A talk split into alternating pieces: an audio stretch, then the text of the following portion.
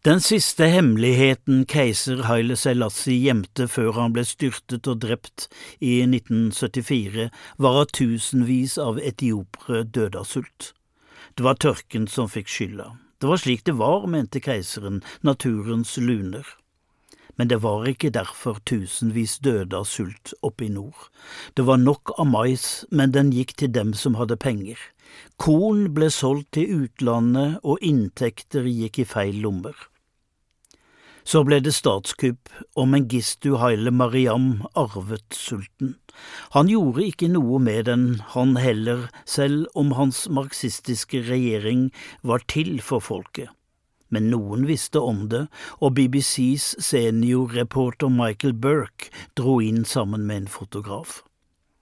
De landet med et småfly i Korum og kunne se utover et landskap av utsultede svarte mennesker, i støvet var de blitt grå. Det var i oktober 1984, og den reportasjen Michael Burke skapte, sendte sjokkbølger gjennom verden. De rolige bildene av mennesker i ytterste nød, de langsomme kamerabevegelsene og Michael Burkes mesterverk av en reportasje fikk folk til å gråte. Her i morgengryet bryter sola gjennom den bitende nattekulden og lyser opp en bibelsk hungersnød nå i det tjuende århundre. Dette sted, sier de som arbeider her, er det nærmeste du kommer helvete på jord. Tusenvis fra fjerntliggende landsbyer har strømmet hit for å få hjelp, men mange finner bare død. Sulten har drevet dem hinsides desperasjon, 15 000 lidende barn går rundt forvirret og fortapt. Den irske popartisten Bob Geldof satt hjemme og så den rystende reportasjen, han fikk ikke sove. Neste dag tok han noen kontakter som siden førte til en 16 timers rockekonsert på Wembley stadion i London 13. juli 1985. Den ble sendt til 150 land og ble sett av halvannen milliard mennesker. Det endte med to milliarder kroner til Etiopias sultofre, og det er en lang historie om penger som forsvant på veien, men han skrev iallfall en sang alle kunne.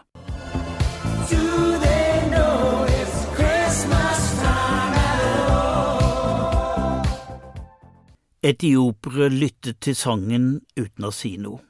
Do they know it's Christmas? Visste ikke Bob Geldof at Etiopia hadde feiret jul i 1700 år, og videre i teksten her hvor ingen elver flyter, de har bare sine bitre tårer, hadde ikke Geldof hørt om Nilen? En million mennesker døde, jeg husker bildene, særlig av en utsultet treåring aleine med et tomt blikkfat og øyne uten liv. 30 år etter sultkatastrofen mintes jeg den jenta. Kan det tenkes at hun lever? Jeg kontaktet nødhjelpsfolk, men det var som å lete etter ei nål i høystakken. Men en pensjonert lokal bistandsarbeider husket den jenta siden han var med på å berge livet hennes. Og hun lever, hun heter Bergode og bor med sin familie, hun tar gjerne imot besøk. Det var et langskudd, og jeg dro. Fly, bil, motorsykkel, inn i bushen på beina, og der sto hun smilende. Hun har forberedt et måltid og ville servere sine gjester av det hun hadde dyrket og laget selv. Kaffe, rundstykker, tomater. To av barna skulle på skolen, den minste var for liten. Far sto på jordet med hakka og dyrket urter og krydder og grønnsaker, i bekken var det vann. Jeg hadde tatt med meg det skrekkens bilde av henne fra den gang hun var et skjelett. Småjenta Bergodes treåring stirrer på bildet.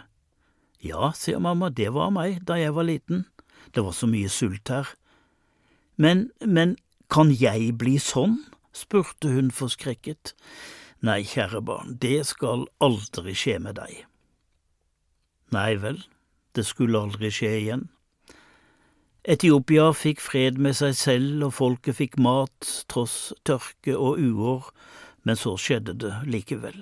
Under uroen i landet i 2020 gikk myndighetene i Tigray, der oppe i nord, imot regjeringen og angrep offentlige bygninger. Statsministeren satte inn hæren og slo ned opprørerne. Han avviste en fredelig løsning med hjelp fra FN og Den afrikanske union. Det har vært rapportert om massakre, og mange sivile liv er gått tapt. Så kommer sulten, og igjen står treåringer med tomme blikkfat.